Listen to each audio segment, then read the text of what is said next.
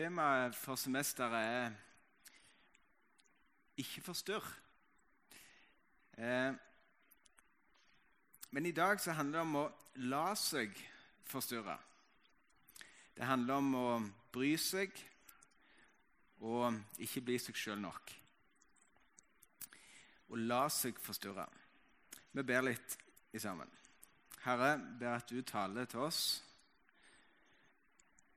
gjennom ditt ord og din ånd. Gjør det levende, så det blir et budskap som eh, skaper det som det nevner, og forvandler oss innenfra til å bli mer lik deg, Jesus. Til å leve mer som deg og gjøre det som du ville ha gjort, Jesus. Herre, vil du i din nåde møte oss? Det ber vi om i ditt navn. Amen. Om å la seg forstyrre, bry seg om andre. Det passer kjempegodt med den tida vi er i kirkeåret. For vi er i eh, fastetid. Bønn og fastetid fram mot påske.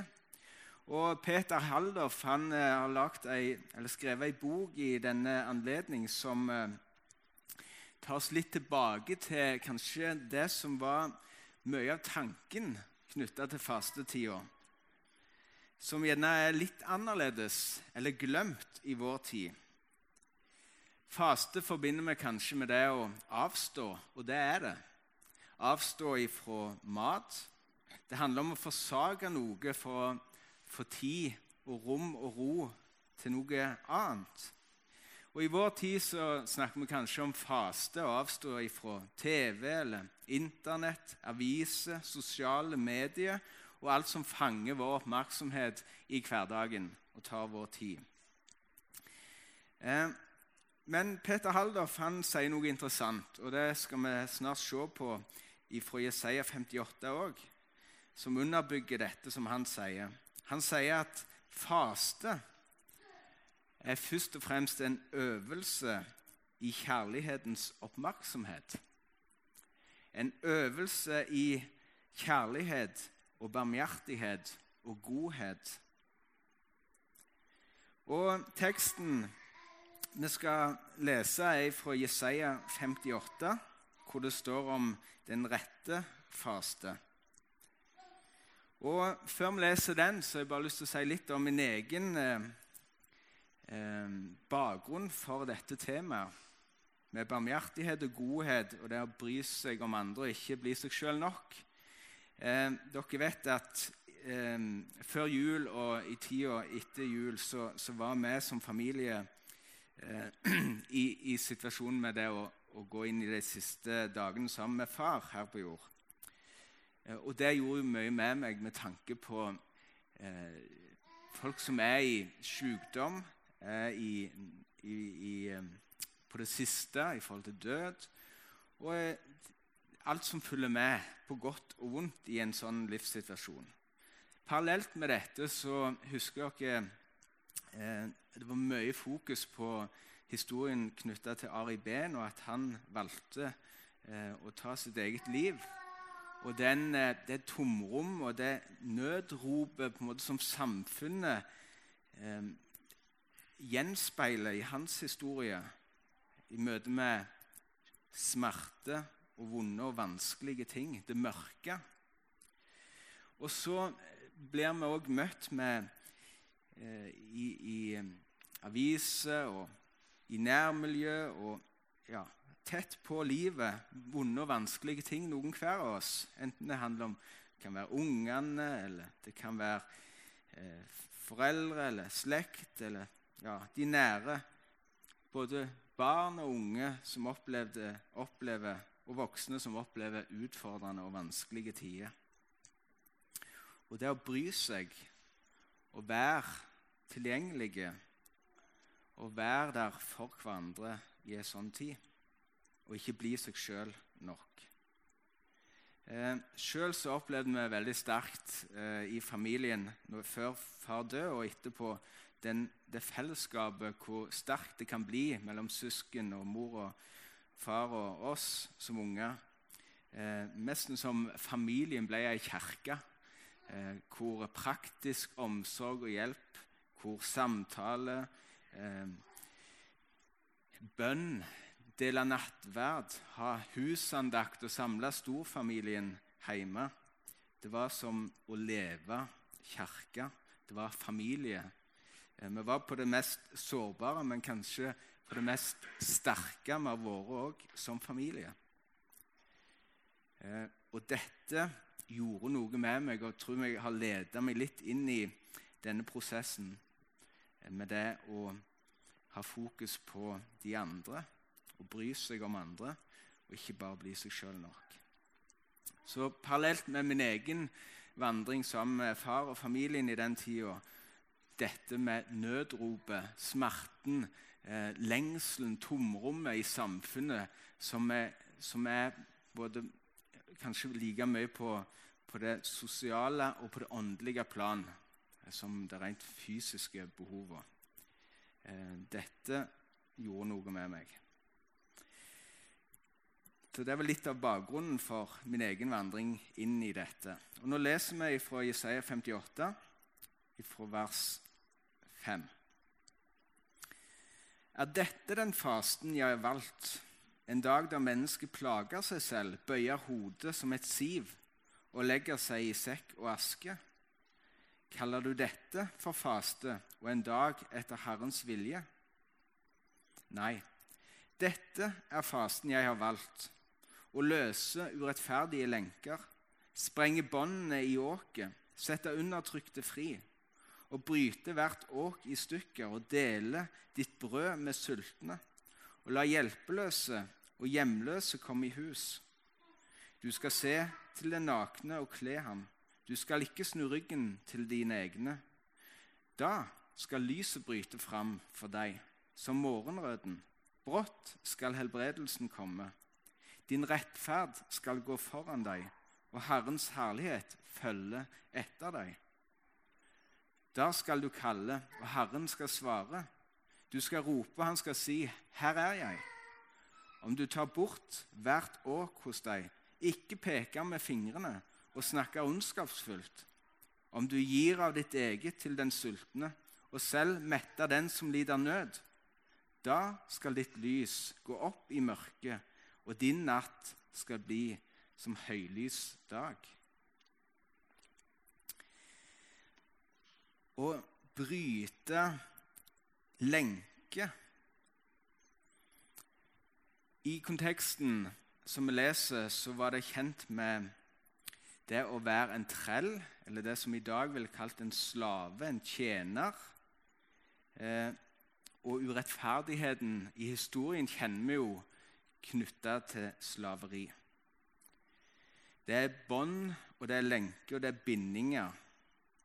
Og I dag snakker vi kanskje om moderne slaveri, som handler om menneskehandel og handel med mennesker for å utnytte f.eks. til prostitusjon og til at mennesker skal tjene penger på andre mennesker som en vare, som en salgsvare. Det er kanskje ytterpunktet av det å være bonden og være slave. Men kanskje der fins andre former for slaveri, bindinger og lenker i vår tid, ja, kanskje i eget liv, som eh, er mer aktuelt. Det kan være avhengighet av ulike ting som binder oss. Det kan være avhengighet til pornografi. Det kan være avhengighet til rus. Det kan være avhengighet til spilling. Eh, spille f.eks. med spill, men òg med pengespill. Det kan være avhengighet til ting som vi òg har kanskje det, det, er ikke sunn i seg sjøl, men mønsteret blir bindende, og vanene blir så kvelende at det tar liv. Åndelig sett og sjelelig sett. Det kan være en ukultur i vårt liv og i våre omgivelser. Det kan handle om tankemønster, følelser og knytninger som er destruktive og bryter ned. Sånne bånd og bindinger og lenker Eh, det kom Jesus for å sette fri. Han utlyste et nådens år ifra Herren for å utrope frihet for de fangne, for de bonde. For å sette slaver fri. Og eh, jeg tror vi alle her kan kjenne på, på ting midt imellom eller ytterst eller en eller annen på skalaen. En form for bindinger som gjerne ikke er gode i vår liv. Som vi trenger å bli løst, og som jeg tror Jesus ønsker å løse oss og fri oss ifra. Men Da trenger vi av og til å gå sammen med hverandre og leve i lyset og få hjelp. Og ikke gå alene, men å leve kirke i sammen. Eh, det med åk Jeg husker ennå på hytta at vi hadde sånn, et åk som vi la på, på, nakken. Hvis vi skulle bære, så kunne vi bære to bytter med vann over det. La det på nakken, og så to sånne ned her. Så ble det lettere å bære. Eh, det står om et vondt åg, et tungt åg. Jesus snakker om å gå inn i tospann med han og ta hans åg på seg, som er lett og godt å bære, og følge Jesus og gå med han. Men der fins òg tunge åg, byrde å bære, som han ønsker å løse oss ifra, som ikke er gode for oss. Eh, og det kan være angst, bekymring, tungsinn og ting som trykker oss så ned at hverdagen blir både unormalt tung. Eh, det kan være forventninger. Det kan være opplevelser av press og krav i samfunnet eller rundt oss, eller som vi tror at andre har til oss, som blir så krevende og tyngende at det blir som et åk. Og Jesus ønsker òg å bryte det åket og føre oss inn i hans åk, i tospann med han, som er lett og godt å bære. Vi vet at det er mange som kan streve, streve med livet. Og vi skal ta, ikke ta lett på dette på noen som helst måte. Vi vet at for de som opplever åk og lenke i forhold til slaveri og menneskehandel, så går det veldig konkret fysisk. For oss kan det kanskje være på det sjelelige, følelsesmessige, tankeplan at vi trenger å bli satt fri. Det handler om identitet, og det handler om hvem vi er, og hvem vi ønsker å være. De gode nyhetene er at Jesus ønsker å sette oss fri. Og Så sto det 'del ditt brød med den sultne'. Ja, kanskje i vår tid er det òg noen som praktisk trenger noe hjelp i forhold til mat. Det vet vi. Eh, det er òg, selv om ikke vi gjerne ser det så synlig, òg ei fattigdomsgrense i Norge. Og det å være fattig i Norge er ekstra tabu i den kulturen, rike kulturen vi er omgitt av. Men det er like viktig, og i overført betydning, er det at det er mange som er sultne og har en lengsel og et tomrom som de prøver å fylle på alle andre områder enn i hos Gud og Jesus og det han kan gi. Så kanskje vår oppgave overfor andre er å være med å gi evangeliet. Gi dette håpet som ble snakket om innledningsvis. Dele Guds ord, som er som mat, som brød, og gi det videre, de gode nyhetene, så det kan få mette sulten hos folk. Det sto om hjelpeløse og heimløse å ta seg av dem. Det er gjerne ikke så mange som ikke har et hus å bo i eller en leilighet å bo i, men det er kanskje den største folkesykdommen i vår kultur, vårt land, er ensomhet. Og det å være opplevelse av å være alene. Selv om det bor mange rett rundt meg, f.eks. i blokka. Eller det å være uten et fellesskap, å være uten et nettverk eller gode venner. Og ikke minst kjente jeg og tenkte jeg på dette i forbindelse med far, når vi som familie sto tett i sammen. Og far og mor hadde noen, og vi hadde noen i sammen. Men så slo det meg Tenk hvor mange som går gjennom en sånn fase som vi er i nå, men som er alene. Eh, som, som, ikke har dette nettverket rundt seg. Og Da eh, tenkte jeg på eh, Tenk om vi som kirke, familie, fellesskap kunne fungere eh, som, som, Jesus sin kropp òg i møte med deg. Som opplever sykdom, vanskelige ting og kanskje går inn mot døden. Og bringer håp òg der. Kle deg uten klær, leste vi òg. De fleste her har jo klær i Norge, så i overført betydning Kanskje de som gjemmer seg av ulike måter, har mislykkes i livet og ikke tør helt å stå fram. Det har gått i sunt, livet. Det kan være ekteskap, det kan være relasjoner, det kan være økonomiske ting, jobb. Ting gikk så gale, og en skammer seg, en føler seg avkledd, og en tør ikke å møte ansikt til ansikt.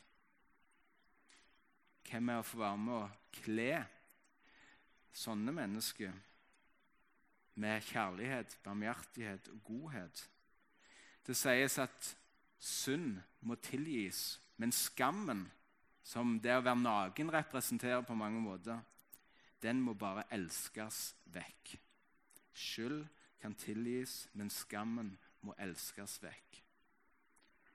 Så om jeg kunne være bærer av en sånn kjærlighet til de som føler seg avkledd fordi det gikk sunt livet, de ble skuffa, og de er redde for å møte ansikt til ansikt og møte med en kjærlighet og godhet som gjør at de kan føle seg påkledd igjen. Ikke snu ryggen til dine egne.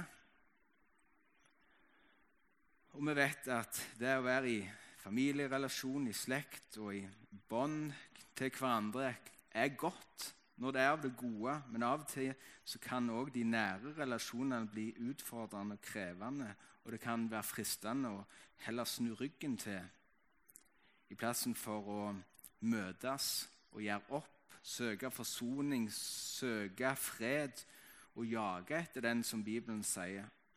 Det kan være krevende å ydmyke seg og heller lide tap, eh, fordi at en fort kanskje vil gå inn i selvrettferdighet eller stolthet og velge den harde vei i plassen for å, så langt som mulig iallfall, søke fred og tilgi den andre, selv om det ikke smaker godt sjøl. Så vet vi at det er ikke alltid det lar seg gjøre, men at vi i alle fall er den villige part og strekker oss så langt som mulig. Selvfølgelig uten å gå på kompromiss med seg sjøl, men forstå meg rett søke omsorgen og tilgivelsen og gjenopprette relasjoner. Og ikke snu ryggen til sine egne. Og Så sa han til slutt her i denne teksten ikke peke med finger og snakke ondskapsfullt. Kanskje den der fingeren, pekefingeren, opplevelsen av fordømmelse og bli trykka ned, eller at jeg er over deg, og du er her nede, og jeg får det til, og ikke du, den kan være veldig sårende og vond å bli møtt med pekefinger. Hadde du bare gjort sånn, eller hørt på det jeg sa, eller gjort det sånn og sånn og ikke sånn, det kan være veldig vondt. Og mange er såra og har møtt eh, fordømmelse på en sånn måte at de ikke tør kanskje å komme fram. Eh, ikke snakke ondskapsfullt, altså hvordan bruker vi ordet vårt? Hvordan bruker vi eh, stemmen vår i møte med andre?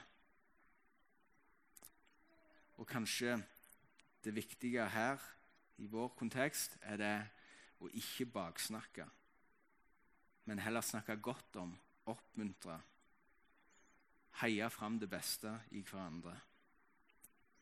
Da, sier Bibelen, skal lyset bryte fram, helbredelse komme, Herrens herlighet fylle etter deg. Bønnesvar og en opplevelse av 'her er jeg'. Og Jeg var nesten så jeg visste ikke helt om jeg tørde å si det, for det høres ut som herlighetsteologi. hele greia. Men jeg tror det handler om ærlighetsteologi når vi tør å leve ekte og sant og helt med livet vårt i lyset med Gud overfor hverandre. Så vil det ha en helbredende effekt. Ikke bare for kropp, men også for sjel og for ånd. Det vil ha en helbredende innflytelse på kulturen rundt oss og samfunnet rundt oss, i familien og der vi er i hverdagen. Det vil ha en frukt av liv som smaker godt, og som ikke er destruktiv. Så i seg sjøl er det et helbredende samfunn vi representerer og er bærere av når Guds rike får komme inn i oss, forvandle oss innenfra, og at vi blir et lys som bryter fram der som vi er. Fordi Jesus har fått gjort noe i våre egne liv. Kanskje det var dette han opplevde Arne visste, som vi hørte forrige søndag på Kleppe bedehus. Som har kjempa for enkene, for de farløse og for de fremmede, for asylsøkerne som har kommet til Norge.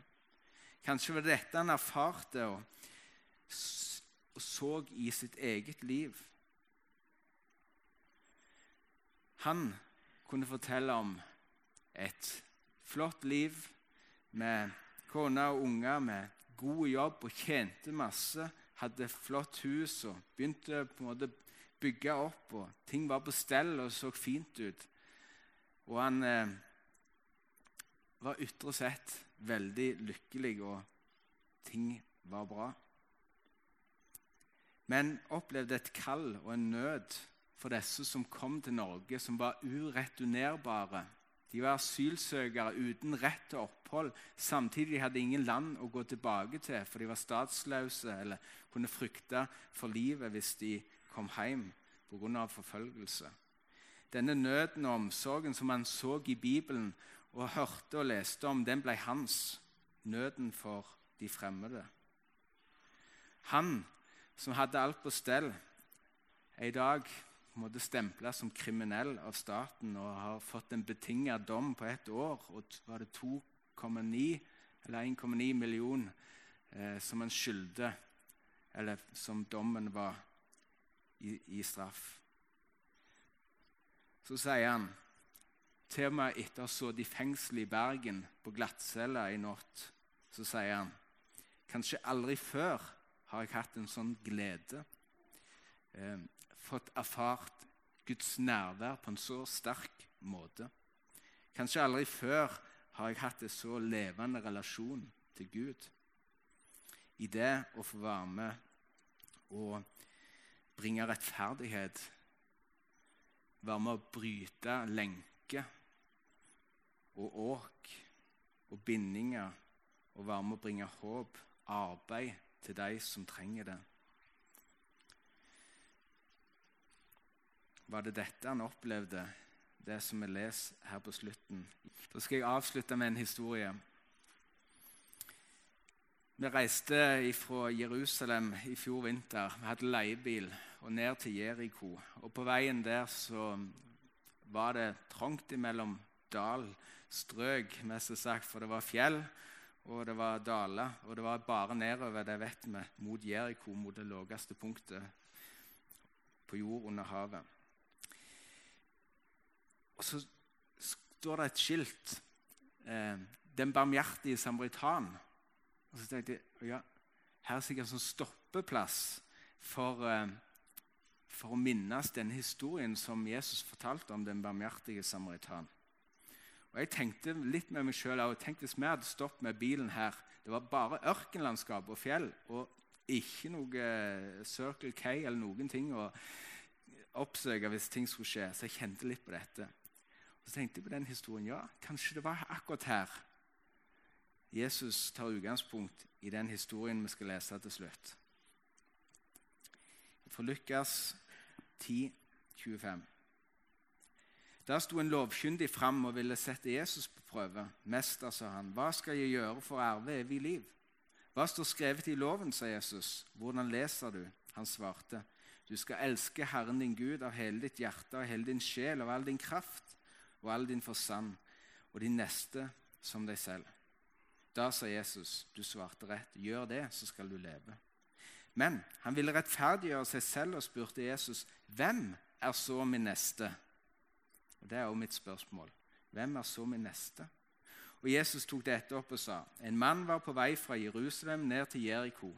Da falt han i hendene på røvere. De rev klærne av han, skamslo han og lot han ligge der halvdød. Nå traff det seg slik at en prest kom samme vei. Han så han, men gikk utenom og forbi. Det samme gjorde en levitt. Han kom, så mannen og gikk rett forbi. En samaritan som var på reise, kom også dit hvor han lå. Og Da han fikk se ham, fikk han inderlig medfølelse med ham. Han gikk bort til ham, helte olje og vin på såren hans og forbandt den. Så løftet han mannen opp på sitt esel, tok han med til et herberge og pleiet ham.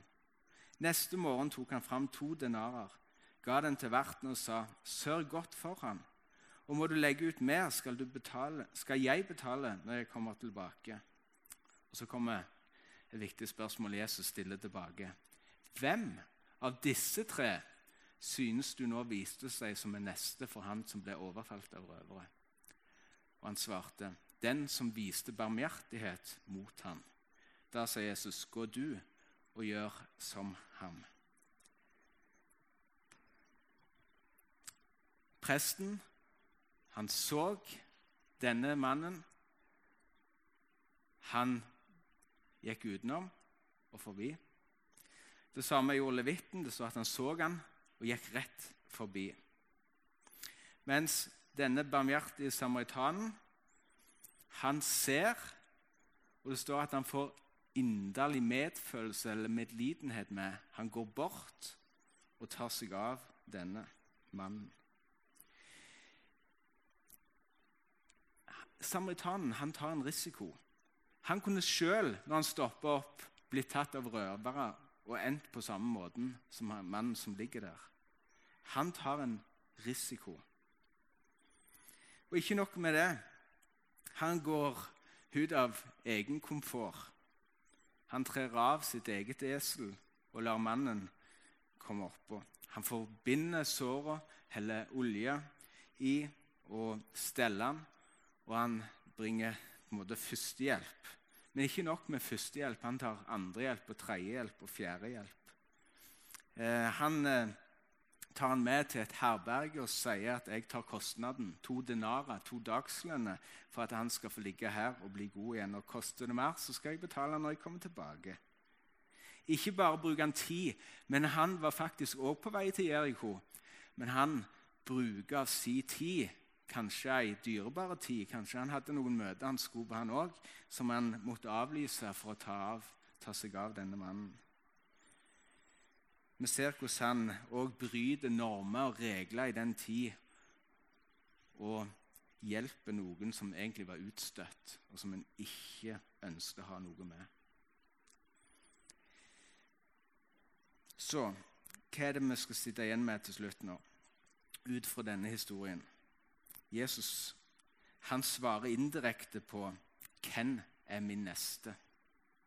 Men det som er vel så viktig for Jesus her å si Hvem av disse tre viste seg som en neste? Altså, hva kjennetegner en god neste? Han lar spørsmålet falle tilbake på han sjøl. Jesus svarer ikke direkte på hvem er din neste, hvem er han du skal gå til på din vei. Når han spør hvem viste seg som en god neste, gå du og vær som han, den gode neste, slik som samaritanen var. Og Det møtte meg, for den vinklingen har jeg ikke sett og kjent på sjøl. Men jeg har veldig lett for å se rundt meg hvem jeg gjerne skulle gå og møte og være en god Eller hvem er min neste? Men kanskje heller i denne bønne- og fastetid skulle be Herre, gjør meg til en god neste, til en god samaritan. Og når du leder meg på din vei, og jeg møter de som trenger meg, la meg da få representere deg og være som deg, Jesus, og som denne gode samaritan.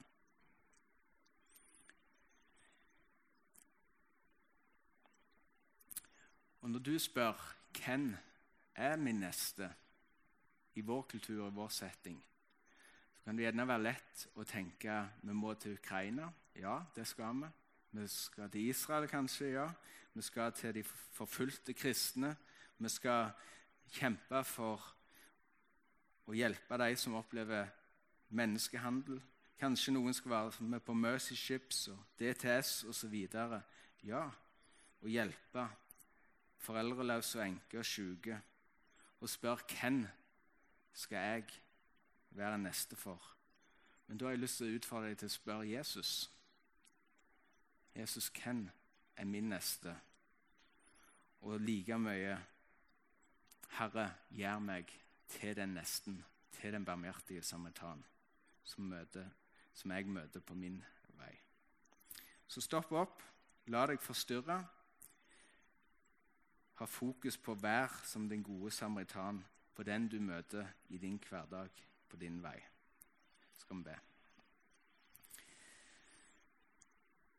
Herre Jesus, vi ber at du lar dette ord bli levende i oss, og at det blir til velsignelse for oss sjøl og for de rundt oss. Og at denne fastetida som er i fram mot påske nå, Herre, kunne få være en tid til å stoppe opp. Kanskje søke nåde og hjelp hos andre mennesker, hos deg, Gud, med ting i våre egne liv som vi kjenner på som lenke eller tunge byrde, Herre, eller ting som holder oss nede, Herre. Og Herre, kanskje vi sjøl òg kjenner på en lengsel og en åndelig sult, Herre. Kan være ensomme eller kjenne på skam og kjenne på at livet kan være utfordrende. Herre, vil du, som den gode samaritan, Jesus, òg møte oss på de områdene som vi trenger legedom, tilgivelse, oppreisning og kraft ifra deg, Herre. Så vi kan bli istandsatt og utruste, Herre, til å være det for deg som vi møter i vår hverdag. Og gode Far, la oss få erfare at lyset bryter fram, at helbredelse kommer, at din herlighet fyller oss og fyller etter oss. At vi får erfare du sier 'Her er jeg', og et møte med deg som forvandler oss. Og gode Far, på vår vandring, la oss få ligne mer på deg i møte med andre. Få være som de gode samaritan. Jeg ber meg om i Jesu navn.